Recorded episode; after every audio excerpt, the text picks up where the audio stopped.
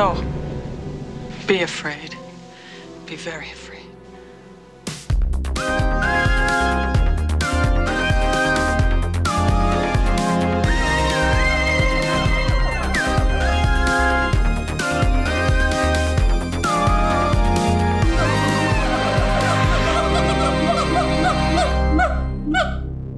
Borgarna är rädda. Och när de är rädda är de farliga. Det nya konservativa blocket drivs av rädsla. Rädslan finns hos de som håller på att förlora status i samhället. Det är en rädsla för att falla. De behöver inte ha fått det sämre. Det räcker med att de ser att andra har fått det sämre. Högerns pendling är lätt att se. Väljarna till det konservativa blocket som håller på att ta form är räddare än andra väljare. Liberala väljare som upplever hot, rädsla och brist på framtidstro tenderar att bli konservativa. De larmar om en närastående samhällskollaps.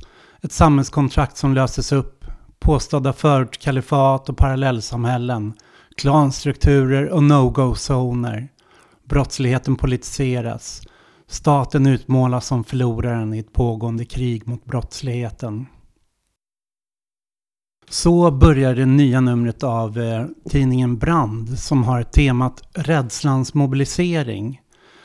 I det här avsnittet av Apans anatomi så kommer vi prata just om det, om rädslan i samhället, rädslan för en eh, kollapsat samhällskontrakt och brottsligheten, hur, varför den har blivit så central i det här projektet.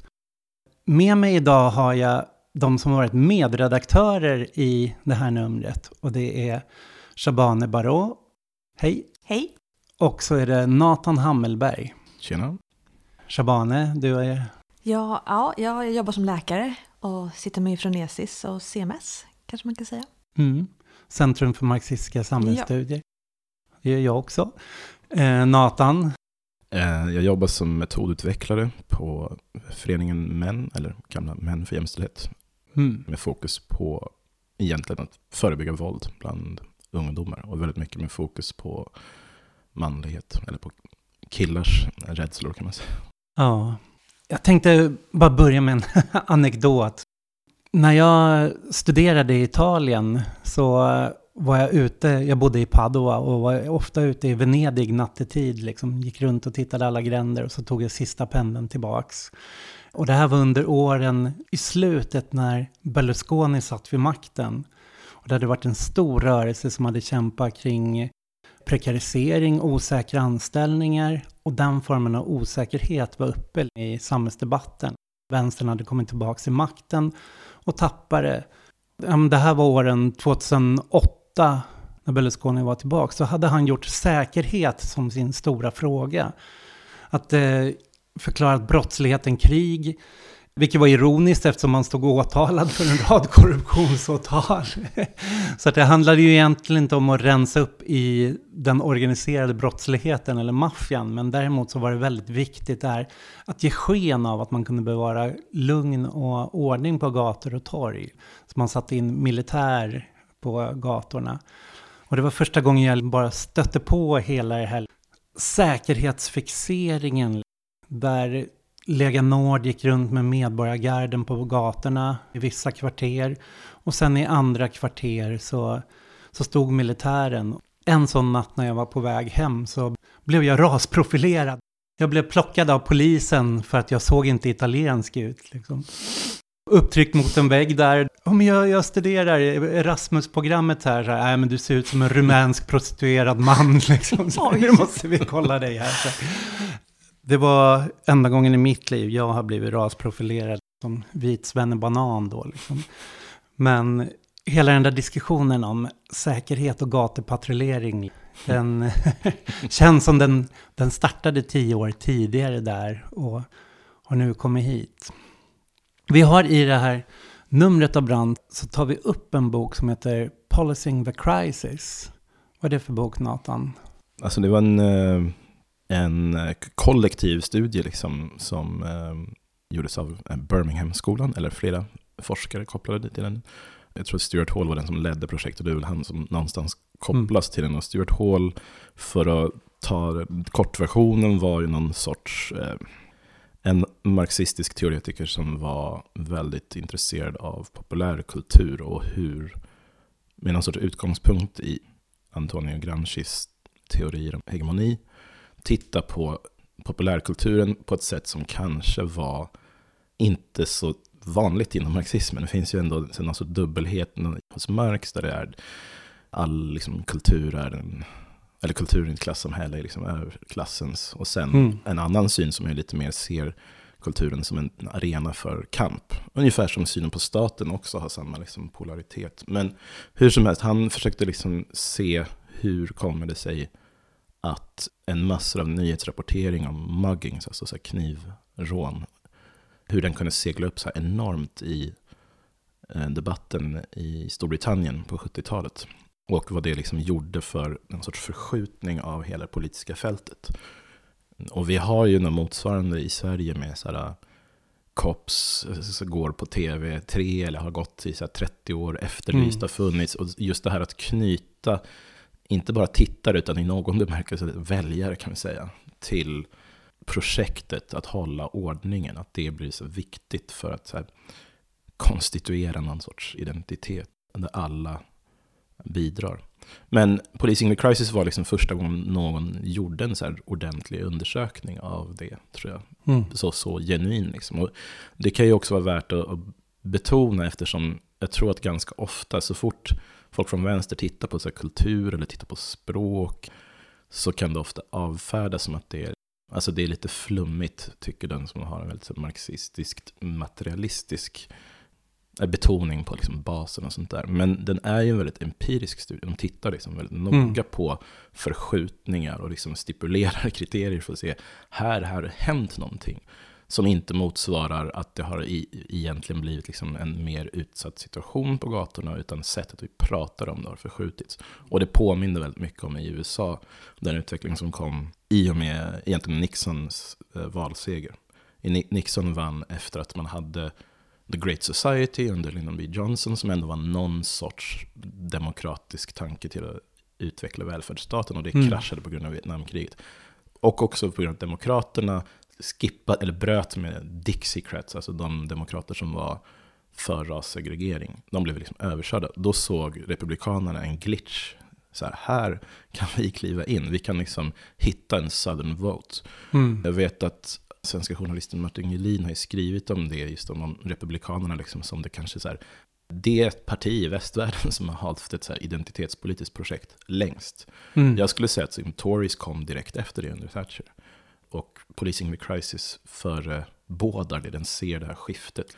Att fokus på säkerhet möjliggör att man så här, trycker ner omfördelningsfrågor, man trycker ner expansion av välfärdsstaten. Och liksom och man kan liksom gå mot en så disciplinerande politik dessutom. Mm. För brottslighet har ju liksom alltid funnits och sociologin har ju alltid ägnat sig åt den. Men innan det här har det mest sett som en polisiär fråga. Det har inte varit så politiserad i debatten. Mm. Och den debatt under Nixon som du refererar till då, där politiseras brottsligheten för första gången. Ja, och jag tror så här, jag vet att Wallerstein och Buddy Barr har pratat en del om hur samhällen som på pappret är meritokratiska, alltså liberaldemokratiska med någon sorts läpparnas bekännelse till universalism, eller försöker leva upp till det. Där blir ofta sexism och rasism kan bli svar på det, för att den som då i de traditionella berättelserna vill se sig själv som överordnad, eller se sig som är rädd för att falla helt enkelt, som tänker att vår position är hotad om alla får tävla på lika villkor. Den kommer ju hata kanske vissa välfärdslösningar. Att mm. välfärd ska inkludera alla till exempel. Mm. Och jag tror att om man ska förstå i Sverige när det finns så här, stå upp för polisen i Södertälje. Det kan vara liksom 12 timmar efter att det har hänt någonting. Att några ungdomar har kört ihjäl sig efter att ha blivit jagade av poliser. Och liksom, det räcker att så här, sam, eller vet det, avpixlat eller vad kan ha varit, mm. har publicerat vad de här personerna är för några, så har en sån grupp har 15 000 som gillar den sidan direkt. Och det är att de, alltså tanken om vart statens våld ska riktas blir en sorts bekräftelse om man känner sig hotad. Om statens våld ska riktas mot föreställt andra, de som hotar ordningen. Då är mm. man själv, då har man liksom själv blivit en del av det som är värt, skyddsvärt i mm. samhället. Mm. Så jag tror att det är, jag brukar själv, alltså man biter sig i tungan när man, försöker, när man går långt i psykologiserande. Men det är för mig är det helt omöjligt att förstå hur det kan vara sån enorm uppslutning kring sådana, alla de här ståuppgrupperna som det är väldigt lätt att vara raljant kring. Ja. Annat än om just att det är ett sätt att bli inkluderad i ett sammanhang. Mm. Men det är lite lustigt i Sverige ändå att liksom polisen är ofta ute och, och um, säger att vi kan inte lösa det här med polisiära metoder enbart. Alltså det finns ju ändå en sån, ett sånt svar från mm. liksom, rättsstaten och från polisen. Medan politikerna är de som hela tiden pratar om högre straff. Så det är ändå lite intressant tycker jag. Att det är inte jättemånga som är framme från liksom, repressiva myndigheternas sida och liksom yrkar på att man ska höja straffen, även om det förekommer. Mm. Mm. Ja, det har ju blivit som en nästan omvänd situation att alla partier skriker mer poliser medan poliserna sitter och säger vänta nu, mer mm. skola, mer, vi behöver socialtjänst, vi behöver fritidsgårdar, vi behöver långsiktiga verksamheter. Det går inte bara att åka ut och behandla det här som krigszoner där folk ska slås hårt och, och buras in, utan det är ju långsiktiga arbeten så mot segregering också som ja, för att skapa förtroende, skapa samhörighet i de förorterna. Ja, det var en så här på Aktuellt igår, en sån partiledarundersökningen som kom. Mm. Som visar att Jimmy Åkesson och Ebba Busch Thor har topp eh, förtroende bland väljarna. Fast det är bara 31 procent, så det är inte så mycket. Men mm. Eh, och Stefan Löfven har sjunkit drastiskt och då frågade han honom varför. Och då sa han att han trodde att det berodde på gängkriminaliteten och skjutningarna. Liksom, det känns så här, är, mm. är det så att folk liksom bara, nej Stefan, nu har det gått för långt när någon blir skjuten? Alltså det är så svårt att se den kopplingen. Men han vill kanske inte prata om januariöverenskommelsen och de bitarna heller, såklart. Nej. Det kanske är liksom lägligare att langa fram den förklaringen, men...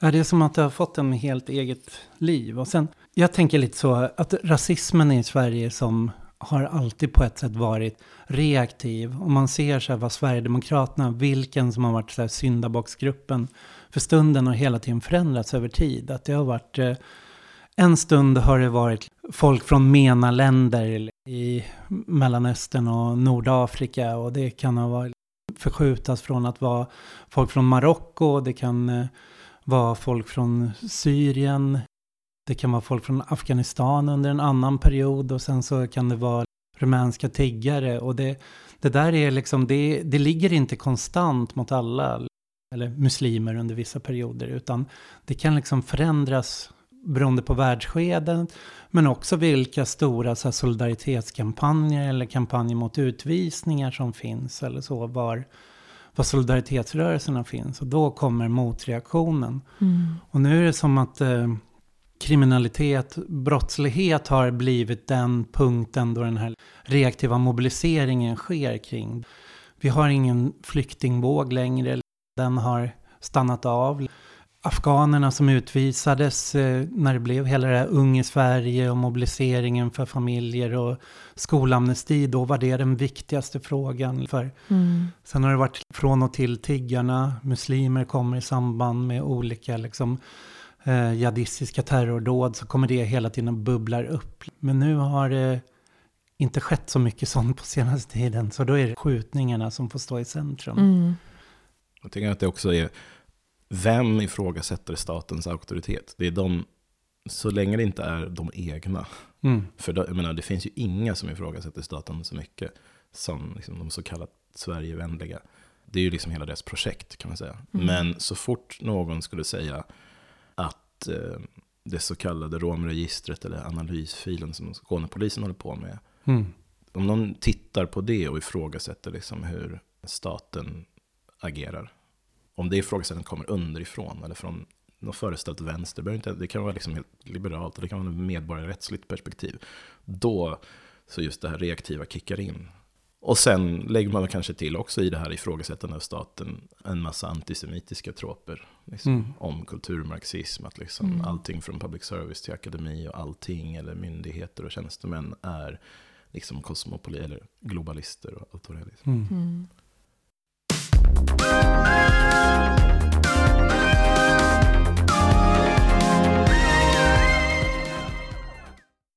Lite skumt också med den här röran kring brottsligheten nu, att, alltså kopplingen till, till 2015. Mm. Jag får ändå intrycket av att det liksom antyds ofta att det är, är de som kom då som är kriminella nu. Fast det mm. stämmer ju inte alls. Och det är kanske ingen som säger det rakt ut. Men det finns ju en sån brygga liksom mellan krisen då och det som händer nu. Men det stämmer väl inte alls vad jag förstår? Nej. Men jag tror att 2015 var ju liksom när SD med fleras retorik om massinvandringen blev lite legitim mm. för fler än de egna. Alltså innan var det man bara, men vad menar ni? Ni har ju pratat om massinvandring när det har kommit hit 8000 personer på ett år. Ni har gjort det när det har kommit hit 50 000. Mm. Gjort det. Alltså, all, vilken in, och det avslöjas ju liksom när de har pratat om att så här, minska invandringen med 90% hade SD under jättelång tid i sitt valprogram, mm. eller politiska program. 90% av vad? Mm. invandringen ser helt olika ut. Så det betyder bara att hur stor invandringen än är så kommer det att invandringen vara för stor.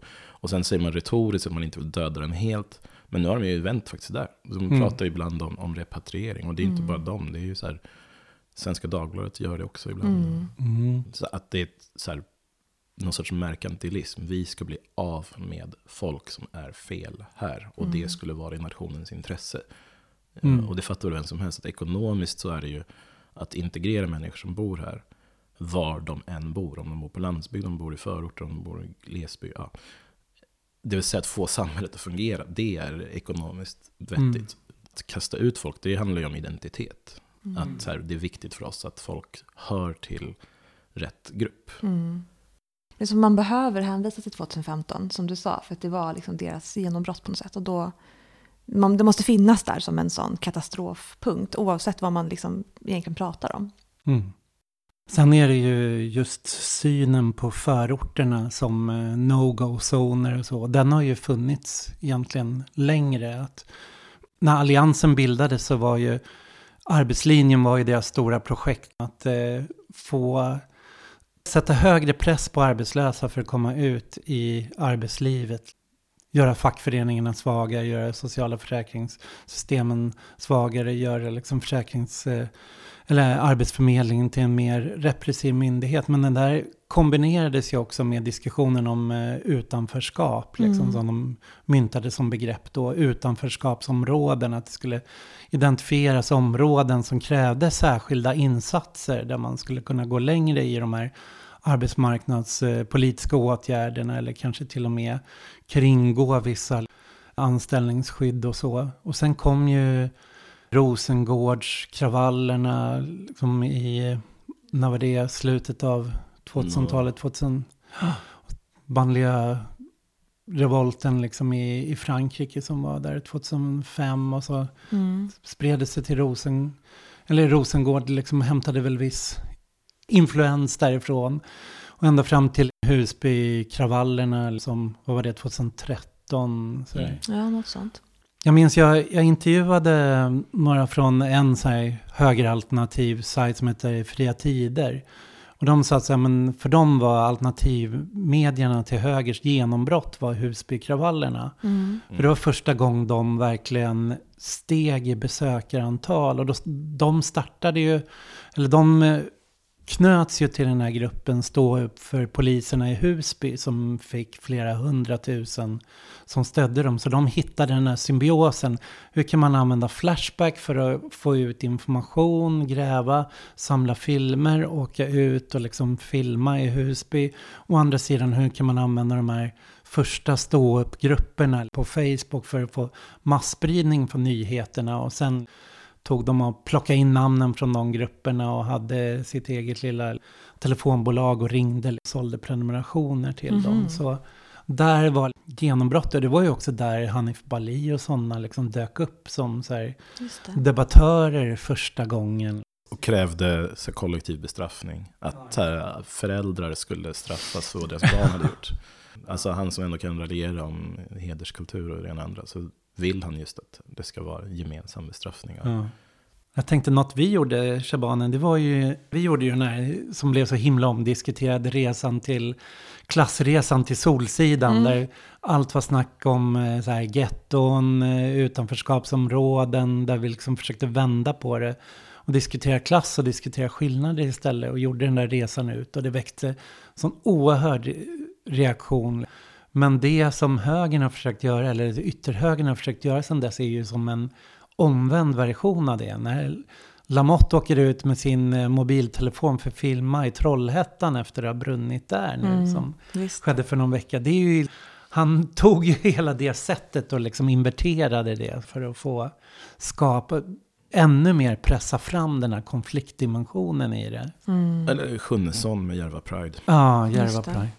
Men jag tänker, om man ska hitta, ja men ta någonting från, från uh, Stuart Hall och Gramsci, så jag tänker att det handlar så mycket om hegemoni. Och jätteofta så ser man att vi måste prata klass, eller vi måste prata omfördelningspolitik och allt sånt där. Och det, det är klart att man vill att den faktiska politiken ska handla om omfördelning, att den ska handla om liksom att generella lösningar och liksom lyfta folk ur fattigdom eller kriminalitet eller vad det nu må vara.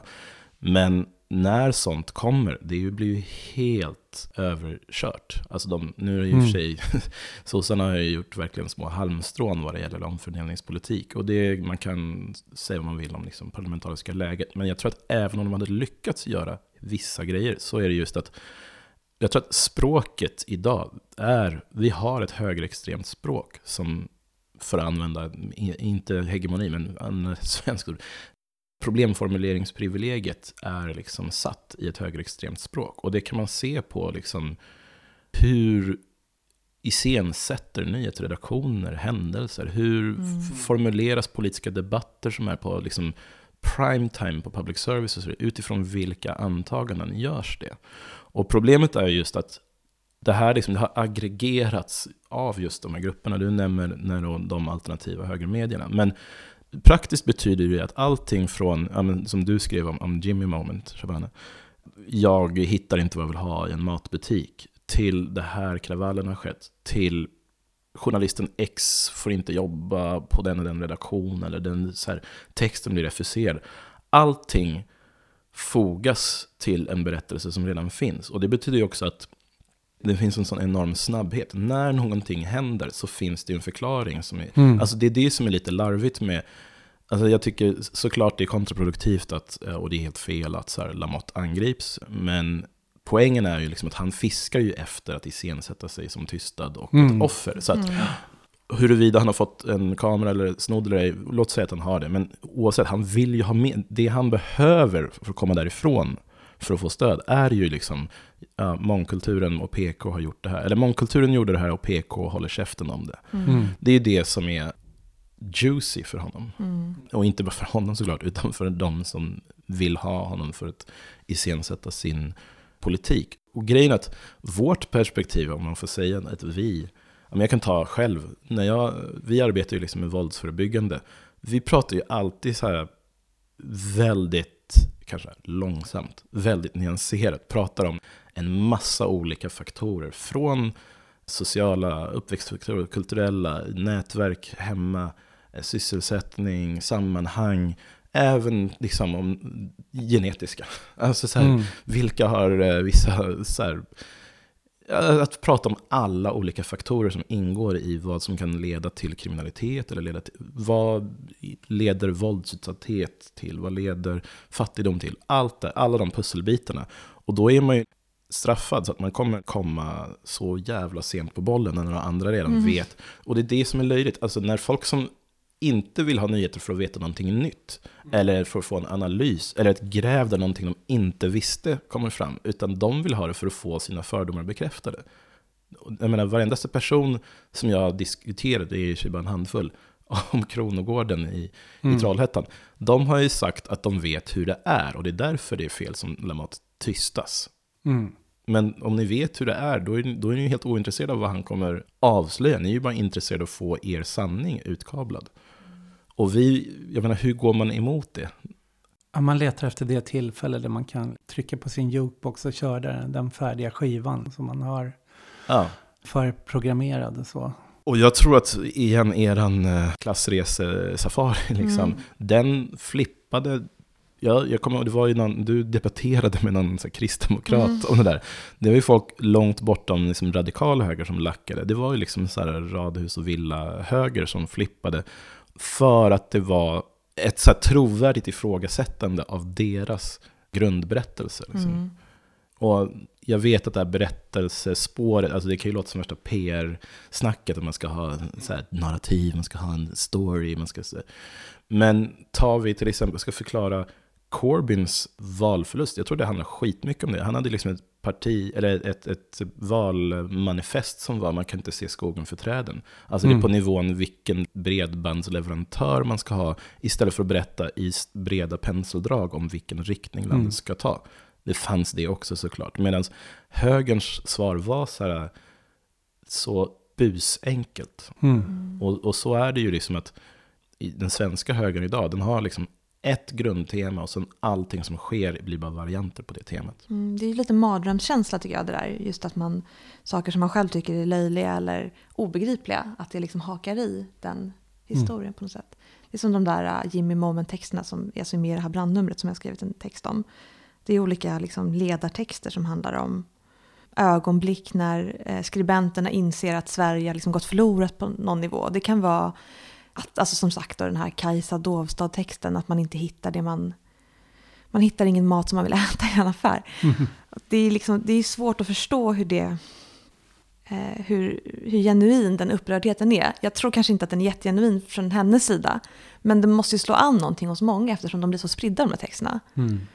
Mm. Ja, det har verkligen blivit en borgerlig ledarskribentgenre där liksom mm. alla ska skriva om sitt det är ofta något självupplevt eller någon nära som de har hört som mm. gick på Hässelby torg och sen så stod det några mörkhyade och tittade elakt på någon med barnvagn mm. och sen känslan, jag måste flytta härifrån. Mm. Det är så här överhetens och högerns variant av Jonas Hassan Khemiris bästa B-texter. Liksom. Mm. Men istället för något undersökande underifrån och försöka liksom också se saker ur flera perspektiv så är det liksom insisterande på att man själv är underdog och kränkt och så vidare. Och det där med kränkt, alltså, det är ju skitjobbigt tyckte jag med hela den här retoriken om vita kränkta män. Därför att så här, det som automatiskt försvinner om man pratar om sånt där i det där helveteshålet som är Twitter och dess kusin Facebook och så vidare. Det är ju så här, skillnaden mellan att alla människor kan vara kränkta och har antagligen ganska goda skäl att vara det.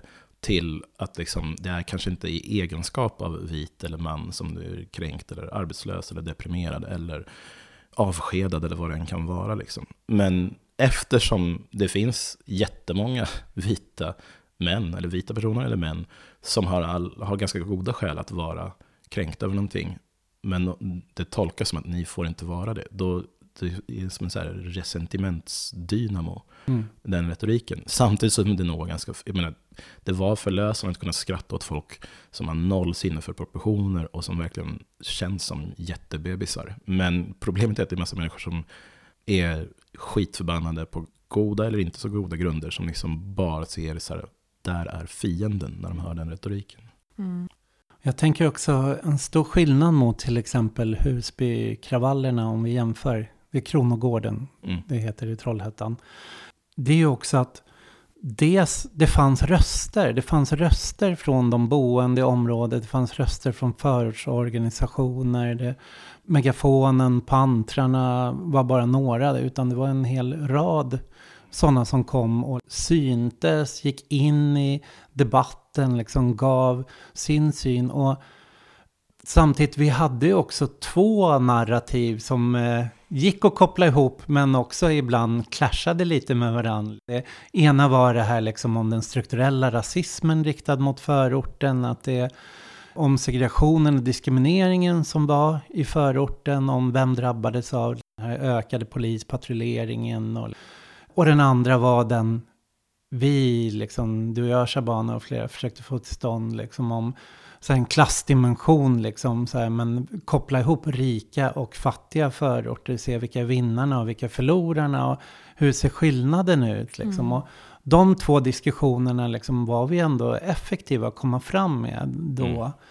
Men om man jämför med nu så är det inga andra motröster. Och när Stefan Löfven försöker i en tv-samtal komma med sådana förklaringar om segregering och problemen med i nedrustningen i välfärdssamhället så blir han bara helt utfnyst liksom av alla. Mm. Att ja, men du klarade inte av att ta debatten. Du försökte blanda bort korten och dribbla bort liksom. Så mm. att det... Och, Någonstans, alltså jag har inte stor respekt för Stefan Löfven, men han var ju inte fel ute Nej. alls i, den, i det samtalet. Han... Nej, men att han, han var ju liksom ändå i tonen kanske lite ursäktad, men hade rätt i sak. Och det hade behövts att han liksom var mer offensiv antar jag. Men jag kommer ihåg, jag var i debatt med eh, Sara Skyttedal, första gången jag fick höra talas om henne, var just under Husbykravallen.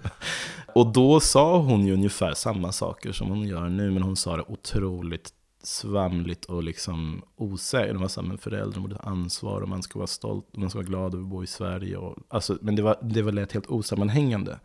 Eftersom hon liksom, det var som testballong för henne och hon var helt det var inte bara jag i, i debatten, men, men hon, hon lät liksom helt eh, världsfrånvänd, tänker jag. Mm. Lite som han eh, kristdemokraten du pratade mm, med. Mm.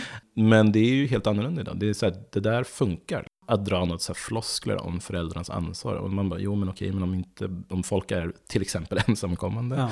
Eller framförallt om de bor liksom supertrångbott. Eller om så föräldrarna jobbar natt. Allt det där finns liksom inte med. Utan det är bara moralism om de andra. Mm. Det känns så farligt nu också med liksom att de välfärdsförklaringarna är, ja, men så betraktas som någon sorts fake news typ nästan. Att man mm. försöker liksom ljuga bort ett problem. Samtidigt som liksom man hör om nedskärningar hela tiden i alla kommuner och i landstinget. Och mm. Det känns verkligen, det är inte bra. Det känns verkligen illavarslande. Alltså jag var och höll en utbildning för ganska någon månad sedan. Ja, ja, vi håller utbildningar i våldsförebyggande. Och då var det det var i Bergsjön. Det var så sjukt grymma fältassistenter och fältsamordnare och lite annan kommunal personal. Liksom. Och så plötsligt så vi går på lunch och det är liksom en eldsjäl som har jobbat där i över 20 år. Som har sett liksom utvecklingen sedan 97-ish. Och bara i förbifarten så säger han så ja ah, men vi var 22 stycken på min enhet för ett år sedan och nu är vi 12. Mm.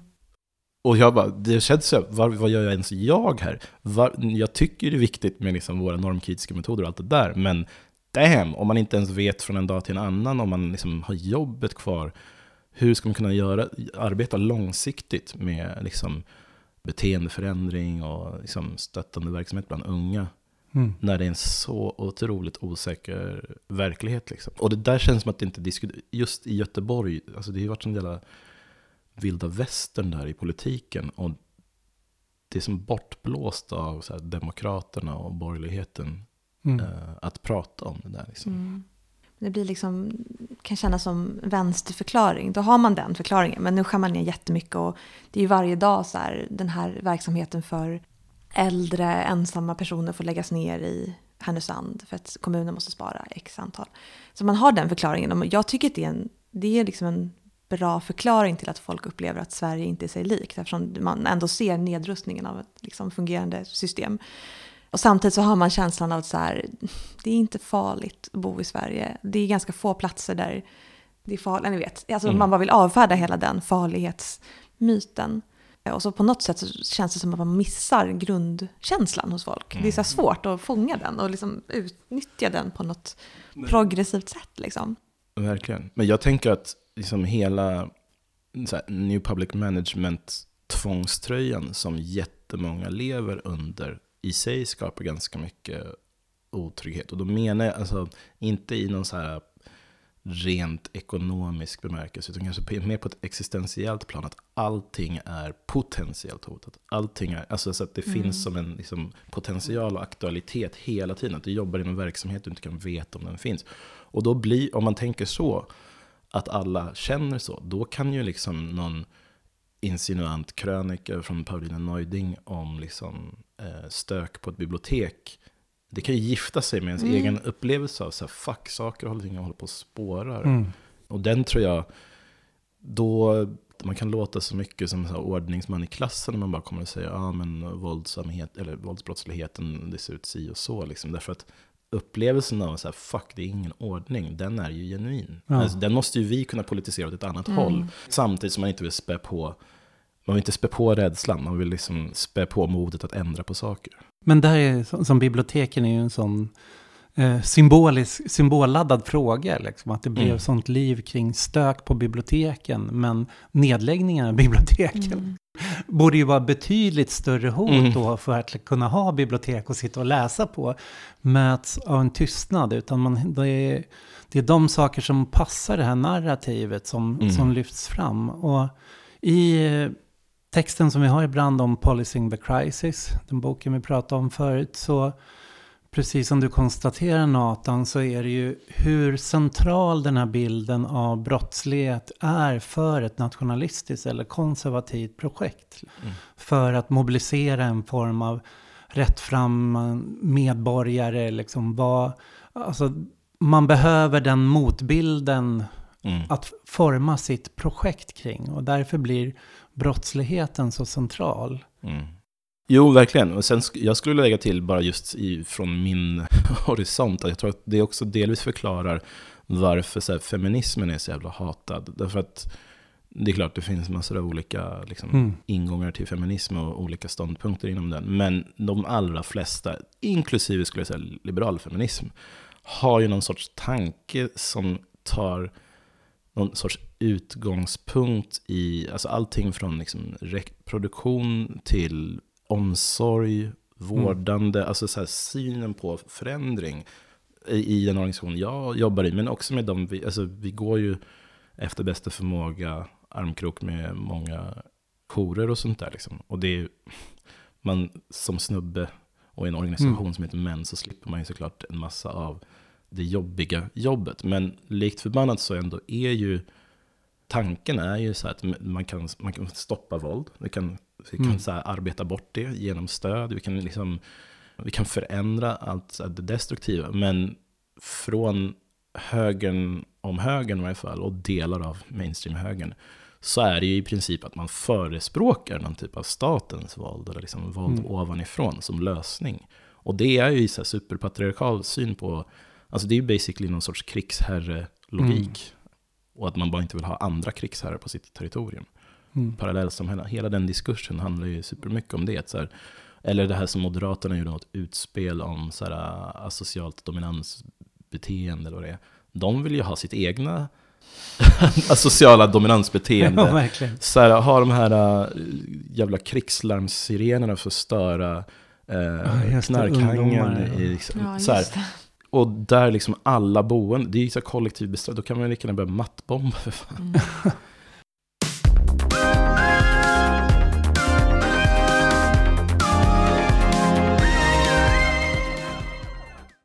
Ja, jag tänker vi kan gå över lite till det. För att det är bredvid brottslighet och man kopplar brottslighet liksom till invandring. Invandringsvågen kopplas ihop i de här.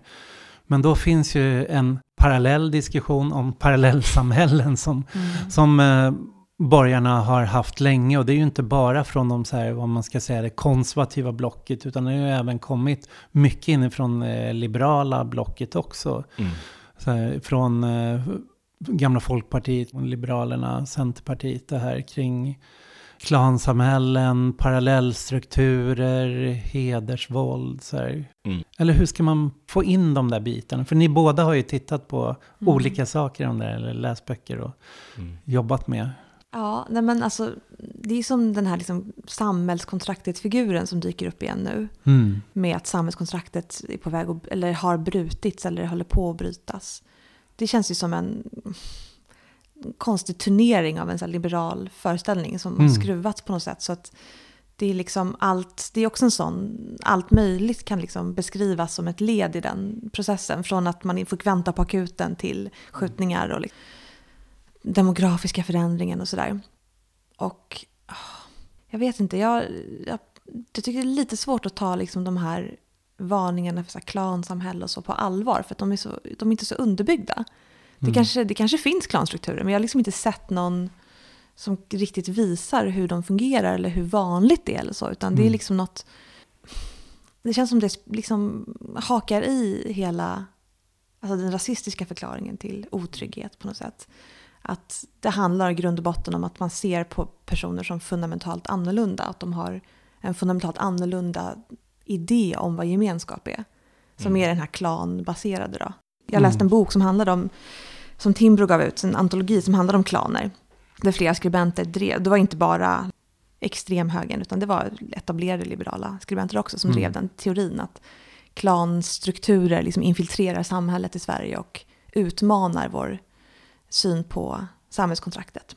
Mm. Det var ingen svar på din fråga, men Mm. Det är en sån central vinkel i det där också. Det är att säga, dels vad är hotet? Det är parallellsamhället som håller på att uppstår. Men sen delproblemet är hela tiden levererat som vänstern. Att det är mm. vänstern, feministerna som är kulturrelativister, som inte kan se, inte vill kritisera det här. Det är en, vad kallar de det för, den goda viljans, eh, goda intentionernas rasism. Att man vill inte ställa krav eller vill inte synliggöra de här strukturerna. Så det, det används ju också väldigt politiserat som ett slagträ mot mm. vänstern hela tiden. Och där har ju du gjort flera intervjuer i det här numret, eh, Nathan. Och du jobbar ju också med de frågorna om till exempel hedersvåld. Att eh, konfliktlinjen där kanske inte står liksom kring så här de ena liberalerna, högern, ser hedersvåldet och sen så har vi vänstern som vägrar erkänna att det finns. Utan det är olika syner på vad det här är. Verkligen, men jag tror att, alltså, jag skulle säga att jag har ju varit med i väldigt många väldigt så, kritiska samtal om, eller man måste bara skilja på någon typ av retorik eller debatt om heder versus hur det ser ut på fältet eller på marken. Och vi har väl försökt jag menar, om man ska ta in, att, jag tycker så här, hedersvåld så kallat, är patriarkalt våld. Och det räcker inte att förklara det bara så. Jag menar, det mesta våldet i samhället är patriarkalt skulle jag säga till att börja med. Utan det, det stora skillnaden är ju liksom graden av någon typ av kollektiv sanktion av ett givet våld. Liksom. Och fokus på kontroll av individer och deras sexualitet. Och, alltså det är väldigt mycket att titta på åldersmaktsordning. Jag tycker att vänsterfeminismen i bred bemärkelse, dess olika liksom, analysredskap räcker väldigt långt. Men sen finns det ändå ganska mycket okunskap om hur det kan te sig i, i, i vardagen. Och debatten har ju handlat så extremt mycket om typ balkongmord eller uppfostringsresor, mm. snarare än att prata om att ens kusiner kanske pratar med andra släktingar, de har sett den gå med någon man inte borde vara. Alltså att vi jobbar ju nästan alltid när vi jobbar med våld med saker som är väldigt vardagliga. Mm. Och fokuset är alltid på det här, det mest drakoniska. Det är som att om metoo i Sverige bara skulle handlat om Hagamannen. Mm. Snarare än att prata om vad som händer på en arbetsplats eller vad som händer på krogen. Och som inte nödvändigtvis är liksom överfallsvåldtäkter utan snarare så här vardagsmisogyni på olika sätt. En vän till mig, Hanna, hon pratar ju liksom om hur mycket de pratar om, om inkapsling och social mobilitet. Därför att i det här, äh, jag ska inte säga Timbro-narrativet, för jag förstår att det är lite heterogent, men ändå det dominerande från alarmisthögern, så mm. det är ju så här, grunden i det är essentialistisk, som du var inne på. Mm. Och framförallt att de inte, de tror ju inte på förändring. Det är inte som att de pratar om så här, men med de här metoderna så kommer vi göra det lättare för folk att bryta med liksom, beroende av familj och släkt. Liksom. Om mm. de här välfärdslösningarna så skulle... Och jag kommer ihåg när jag träffade folk som flydde från Algeriet på 90-talet till Frankrike. Och de flydde liksom från vet det, Islamiska befrielsefronten och vad heter det, GIA, alltså när det var inbördeskrig i praktiken, mm. 92. De flydde till Frankrike då. En del av deras barn som har liksom flytt från en typ fundamentalistisk, eller nu skulle man väl säga takfiri-jihadistisk terror, mm de själva kommit in i ett samhälle där de inte kan etablera sig och börja orientera sig åt, åt det de flydde från, så att säga. Och då är så frågan, det är en, man kan säga det som en patriarkal backlash. De här människorna får inget sammanhang i det samhälle de kommer in i. Mm. Då letar de efter sammanhang. Vilka erbjuds? Jo, alltså det kan vara... Och det är också den här sammanblandningen. Att så här, påstå att allting som har med islam att göra är någon sorts hederskultur. Jag menar, tar vi Islamiska staten, de är de sista som skulle vilja att familjen får bestämma över barn. De vill ju själv, vi ska ta era barn liksom. Mm. Jag lovar att det finns folk som på, utifrån någon typ av hederstänk argumenterar emot dem. Jo, det är inte sagt för att försvara hedersnormer eller så. Mm. Men att det är just att det är, det är en sån här förenkling av allting. Mm. Jag skulle säga just att, så här, menar, till att börja med, att just takfiri jihadism är ju på massor av sätt supermodernt fenomen, eller modern, postmodernt. Mm. Så att de, de, inte alls skulle gå med på liksom att så här, barn har någon sorts skyldighet till släkt i elva led, liksom, eller sånt där. Men ja, jag tr tror just att så här, problemet med hur debatten är, det är just att det är bara en, en projektionsyta för olika typer av beskrivningar av Sverige och de andra. Och, mm och att det alltid ges kulturella förklaringar till vilka som så passar in eller vilka som inte gör det. Och det är så inga andra förklaringar av liksom vad, vad innebär exil, vad innebär att liksom vara jättelång tid i ett förvar, vad innebär att vara barn och inte ha trygga sammanhang.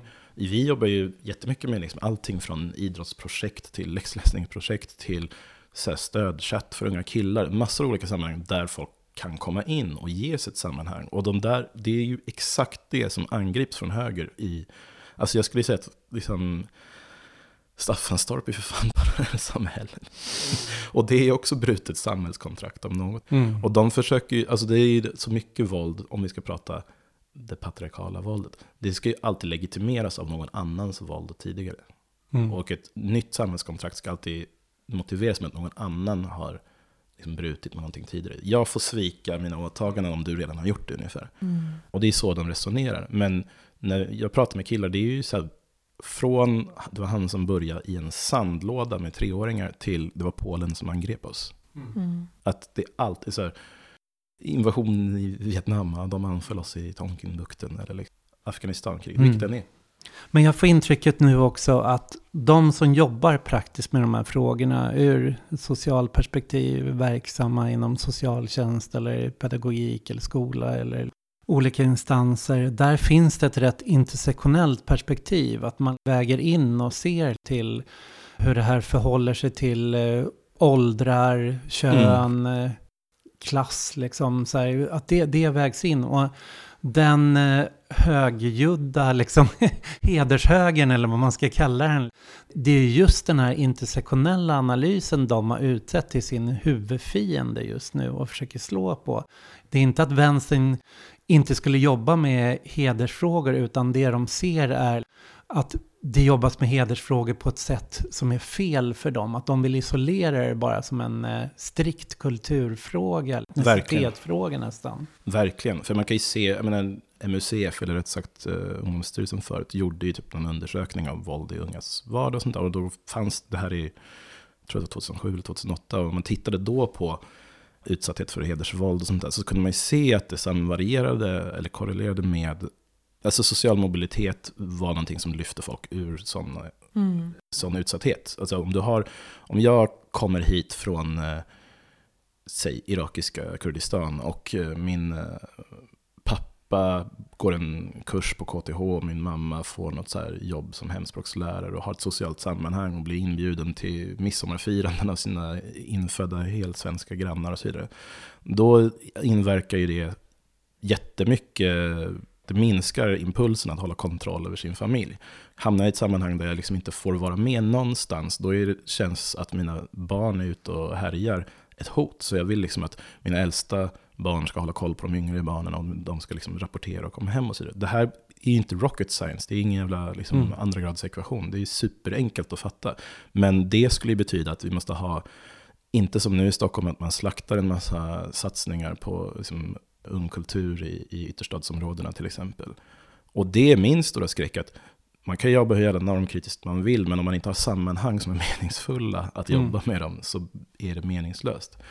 Men ett intersektionellt perspektiv på heder till exempel, då betyder det att man ska titta på vad har LSS-reformer för konsekvenser för liksom, människor med någon typ av funktionsnedsättning eller så, som lever i starka, under starka hedersnormer även oavsett om det är en LSS-reform så kanske man ska titta på just det så här, hur organiserar vi det? Så här, det kan vara jättebra att anhöriga är så här, personliga assistenter och sånt där, men det kan vara ett problem. Det kan vara så att man som barn får mindre autonomi om det är det. Liksom. Och det, det gäller ju var som helst. När jag var, jag var och höll en utbildning i, i flera dagar i Norrbotten, i, Gällivare, och det var Norrbottens idrottsförbund. och folkhälsa Norrbotten som pratade, eller som bjöd in till det. Liksom. Men det var också väldigt mycket socialtjänst och fältare och så.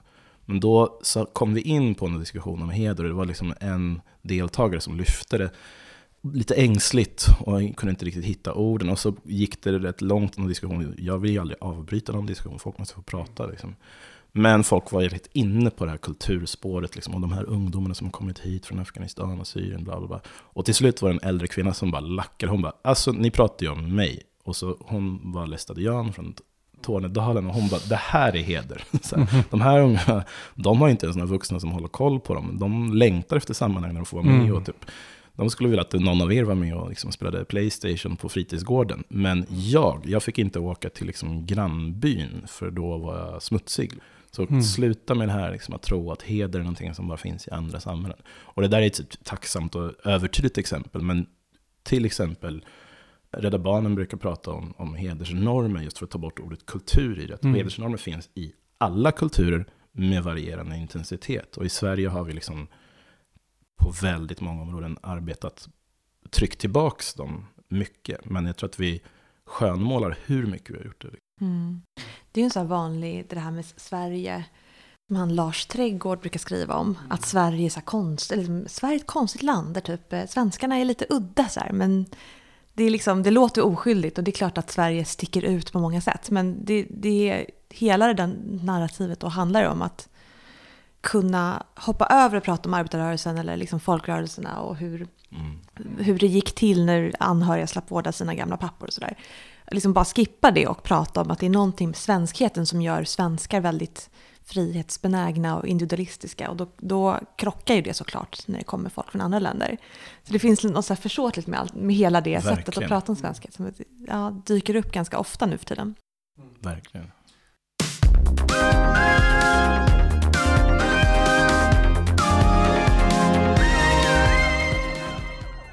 Jag tänker vi kanske ska avsluta lite med att prata om så här, vad man kan göra. Att vi har den här podden, och vi försöker lyfta väldigt mycket vänsterns egna idéer, egna förslag, sätta agendan själv, inte vara reaktiva. Och det här kanske blir det mest reaktiva avsnittet i och med att det har förhållit sig till ett område där vi har faktiskt, som du sa Nathan, tappat problemformuleringsprivilegiet och där högern är så dominerande för stunden. Och här kommer ju hela den här föreställningen om kulturkrig in. Att de använder brottsligheten någonstans för att stenhårt sätta in sin berättelse och som en central del i den berättelsen är som vi har pratat om att, eh, att vänstern inte är med på tåget och vänstern blundar och vill inte se det här.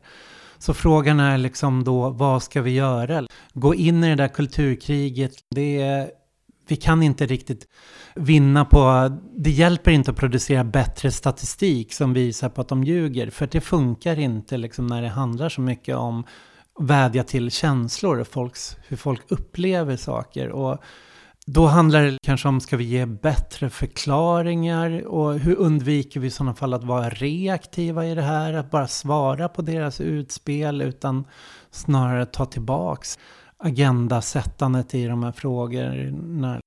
Hur ska vi göra? det är så svårt. Alltså, dels för att liksom nu när vi i Sverige befinner oss i någon sorts socialdemokratins kollaps så dels pågår hela den processen som påverkar hela vänstern och vänsterns liksom möjligheter. Och sen, jag tänker ofta att vi har ganska bra förklaringar. Men och då hamnar man i det här, men vi för inte ut dem. Så Men det blir också som en sån sorts berättelsestrategi då, att här, bara vi berättar bättre. Det funkar ju inte heller. Ja, det var ju det Corbyn någonstans ja. liksom ställde en uh, välfärdsberättelse mot en kulturkrigsberättelse om ta tillbaka kontrollen över Storbritannien, vi har förlorat det. Jag tänker att den inte förankrade välfärdsberättelsen och det tänker jag, där tycker jag väl att liksom, nu är det som att så här, det är en jävla jätte så självskadediskussion om influencers inom feminismen. Och den kanske behövs föras och sånt där. Men om man tittar ändå till någon sorts här praktik inom vänstern i helhet, men också om man nu räknar feminismen till vänster, det kanske vissa inte gör, men jag tror att vi gör det då. Mm. att där finns det en praktik som kommer, den kommer rulla på oavsett. Det är inte som att alltså folk som har jobbat i, så här, jag menar igen, typ, så här, jourer i decennier, mm. de kommer inte sluta göra det helt plötsligt. Utan det är, så här, det är ett arbete som måste föras. Liksom. Men ändå tror jag att det är mycket handlar om att så här, länka kamper och frågor. Och där kan man ju få in ett berättande. Man kan inte föra in berättande helt ovanifrån utan att det är kopplat till Nej, någonting som pågår. Och det tror jag är, är liksom det här alltså PR-vänsterfelet, att man tror att man ska kunna sälja in en enkel berättelse. Om inte den är, står i, i liksom så här grundad kontakt med frågor som folk söker svar på eller frågor som folk kämpar i så blir det liksom mm. larvigt. Då kommer ju det här, så här skräckhöger svaren, det kommer ju röra sig som kvicksilver närmare till rötterna, tyvärr. Men, ja. Jag tror också det här att, att, uh, att försöka hitta praktik, eller saker som folk kan ansluta till. Att allting som bara blir, då menar jag inte en massrörelse, men att kan, man, kan andra ta över de här metoderna? Kan andra göra något liknande på ett annat område? Det tror jag är, för då, det är ju liksom den här nätkrigarhögerns största trumfkort. Det är att alla kan ansluta till det och liksom mm. bidra med sitt gnäll online. Liksom. Vad kan man hitta som är motsvarande men inte så negativt som mm. Folk ansluter till? Ja, alltså frågan är, ska man liksom tänka att det bästa för vänstern vore om helt andra frågor dominerade samtalet? Mm. Typ klimatrörelsen eller något där man ändå kan, som för sig också handlar om rädsla, men på ett annat sätt. Jag tror, alltså, så länge som det här är den viktigaste frågan för väljare så, så tror jag att det faktiskt är väldigt svårt. Och jag, jag, alltså det, jag tror att det är fördelningspolitik som är svaret, men mm. det, är inte, det är inte poppis som svar. Liksom. Och det kan ju för sig bero på att eftersom de, ja, men som sossarna som liksom brukar föra fram det projektet historiskt säger det, men samtidigt rustar ner mer än någonsin i den här koalitionssituationen. Mm. Så jag fatt, man fattar ju att folk inte har förtroende för det. Alltså jag skulle inte heller, eller det har man ju inte när Stefan Löfven säger att det är, alltså på en, när han säger att det är fördelningspolitik men samtidigt så liksom genomför man massiva nedskärningar. Det är klart mm. att det är en katastrofsituation. Liksom. Mm. Men det bästa tror jag vore om det här överskuggades som en helt annan fråga faktiskt. Ja. Mm. Men det finns en sak som den, vi ska inte säga fascistiska högern, men ja, högern som är bortom Moderaterna liksom säger som är bra. Det är ju någon, de har ju något sorts du är bra, du duger snack liksom. Det har ju till och med Jordan B. Peterson. Mm. Och det där tror jag att vänstern är ganska dålig på att få folk att känna att de duger. Den svenska vänstern skulle jag säga. Liksom. Mm. Vi måste ge folk, så här, kom och hjälp till här. Liksom. Vi måste be folk att komma och hjälpa till. Istället för så här, läs en bok så att du liksom kan vara med i samtalet ungefär. Det är ju helt fruktansvärt. Att, nu, det där kanske är liksom lite av en nidbild ofta. Men mm. likt förbannat just att så här, att vi, vi föreslår, vi, tar man den här otryggheten som är kopplad till allting från arbetsmarknaden till framtid, till bostadssituation, till eh, den verksamhet man verkar i och liksom kvantifiering. Alltså allt det här som är slaggprodukt eller produkt av nyliberala New Public Management-regimen, då måste ju vi säga så här, det här ska vi ändra på, på ett sätt som liksom involverar folk. För att jag tror att i vårt samhälle så tänker ju folk att det är deras egna brister som gör att de så här, slås ut, eller vad de nu gör. Eller riskerar att slås ut. Och så vill de ha ett svar som inte lägger skulden hos dem själva. Och då blir ju ett nationalistiskt svar en sån mm. en sån lösning. Vi måste hitta en mycket bättre lösning, liksom. mm. eller en bättre svar.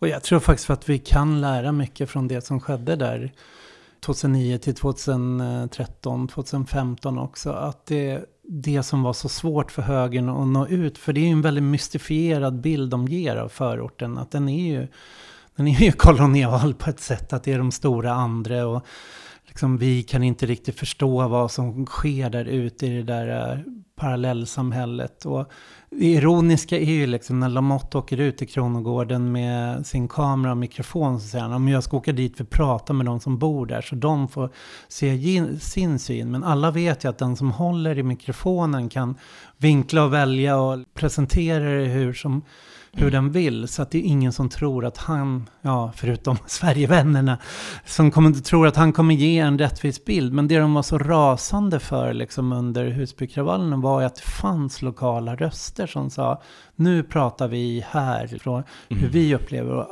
Det var ju så, mycket Hanif Bali och deras gick ju ut på att torpedera ner dem och säga att ni är inte representativa, ni kan inte säga att ni representerar den här orten. Vem, vem har sagt att ni är dess talespersoner? Ni är bara en mm. extremt marginaliserad grupp. Men bara det visar ju liksom att det, det finns olika röster där. Så att, mm. så att eh, den formen av förortsorganisering måste återstärkas. Och, alltså det finns ju, det dog ju inte helt ut. Det finns mm. ju fortfarande massor med initiativ som, som sker i förorten men som på många sätt har tystnat för att de blev så angripna eller så blev de uppätna av systemet på olika sätt. Liksom, mm. Eller plockades in i liksom, eh, mediekarriärer. Att antingen liksom var det repression eller så åts de upp. Så här. Men man kanske behöver tillbaks till fler självständiga mm. röster. För att hade det funnits organisationer i Kronogården nu som gick ut och bara sa, nej men det här är det som sker. Liksom, här kan vi berätta och här är, här är vi som mammor, här är vi som ungdomar. Då hade ett sånt där Lamotte-narrativ aldrig kunnat stå omotsagt. Och, mm. och det handlar inte om att ta ett kulturkrig egentligen, tycker jag, utan det är snarare att sticka hål på de där ballongerna på ett sätt. Mm. Mm. Så här, men vi bor här, det här är våra behov, det här skulle vi behöva. Det ni snackar om är bara goja. Mm. Mm. Men jag tänker ibland så, när man tänker vad ska vi göra för att få några andra att så här, vända eller organisera sig eller vad det nu är. Och ibland tänker man, och är liksom, som jag, jag tänker att vi är lite luttrade aktivister eller sånt där. Att spara på sin energi, inte att man ska så här, trappa ner, men att komma ihåg bara att så här, kamp kommer inte komma för att vi säger nu ska vi göra någonting. Det kommer hända att vi gör bra interventioner, det kan absolut hända. Men det kommer vara som så här, Chile eller så här, arabiska våren för knappt tio år sedan, eller situationen i Libanon eller Irak. Mm. Eller, alltså att det kommer vara några som, vi inte, som ingen vet vilka de är idag.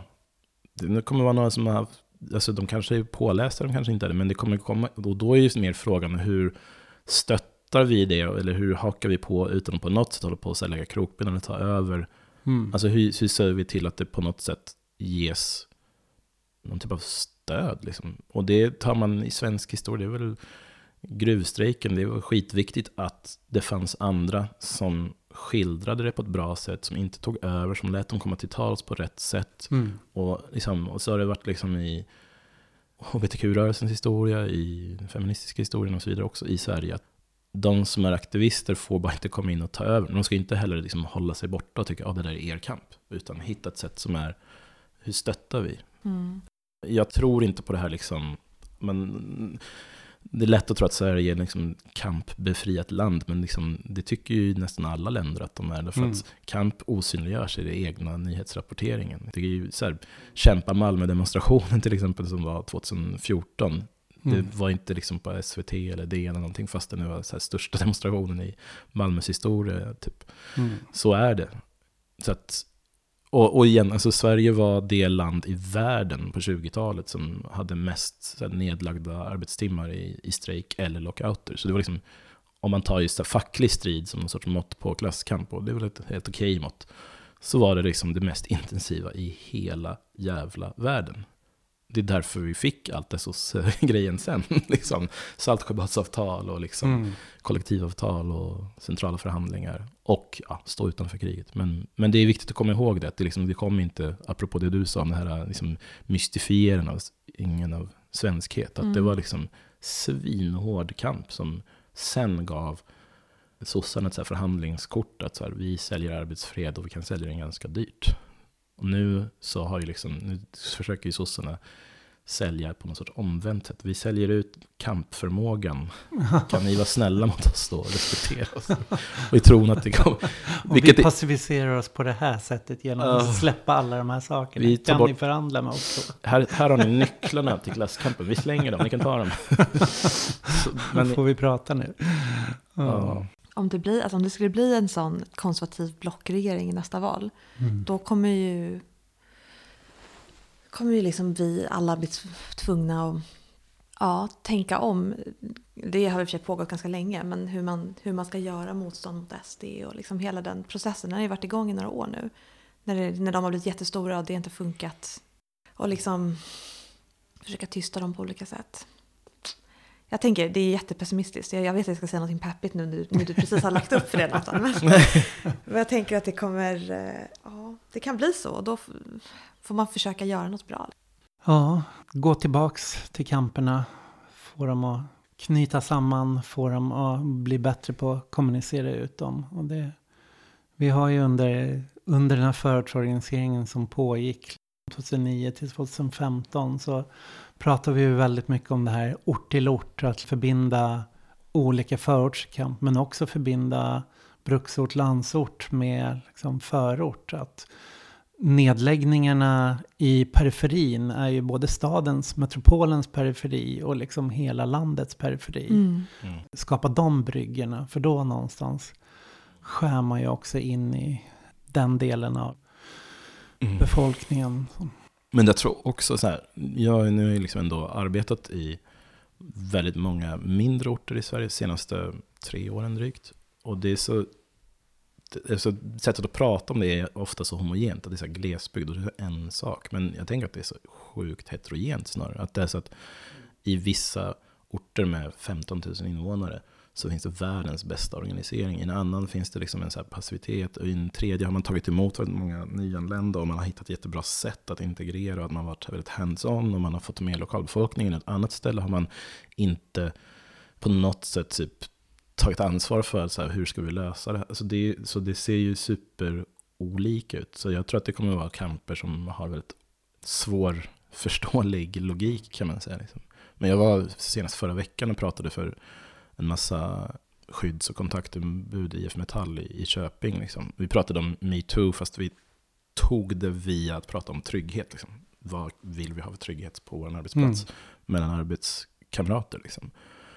Och det var så jäkla bra diskussioner. Och här, en annan del av Köping. Jag menar, folk avfärdar att det skulle finnas någon sorts medvetenhet eller vilja till att stå upp för liksom något sorts socialt perspektiv. Och det är verkligen inte min erfarenhet mm. av liksom vare sig Gällivare eller Köping eller ja, så här, landet runt. Så finns det är liksom inte saker som bara kan avvecklas bara för att det kommer något sorts nationalistiskt eller högerkonservativt narrativ om kriminalitet. Mm. Det kommer inte liksom få folk att bli helt dumma i huvudet som skyddsombud eller som mm. personal på en fritidsgård eller som kurator på en ungdomsmottagning. De kommer inte liksom tappa vad deras gig är. Mm. Jag tänker att vi avslutar där. Mm. Och så det här får bli som en liten teaser av det här numret av Brand. Så kan man beställa eller köpa, läsa det. Där vi liksom har en rad artiklar på temat. Och kommande avsnitt av podden så får vi gå tillbaka till mer de här konkreta positiva visionerna som, som måste till också. Det går inte att, att kontra en sån här samhällskollapssyn med övertrumpa med en ännu värre kollapssyn bara eller sånt. Utan vi, vi måste ju ha någonting att det här är vägen till att vi alla kan få det bättre om vi gör så här. Mm. Tack för att ni lyssnade och tack för att ni kom hit. Tack. Tack.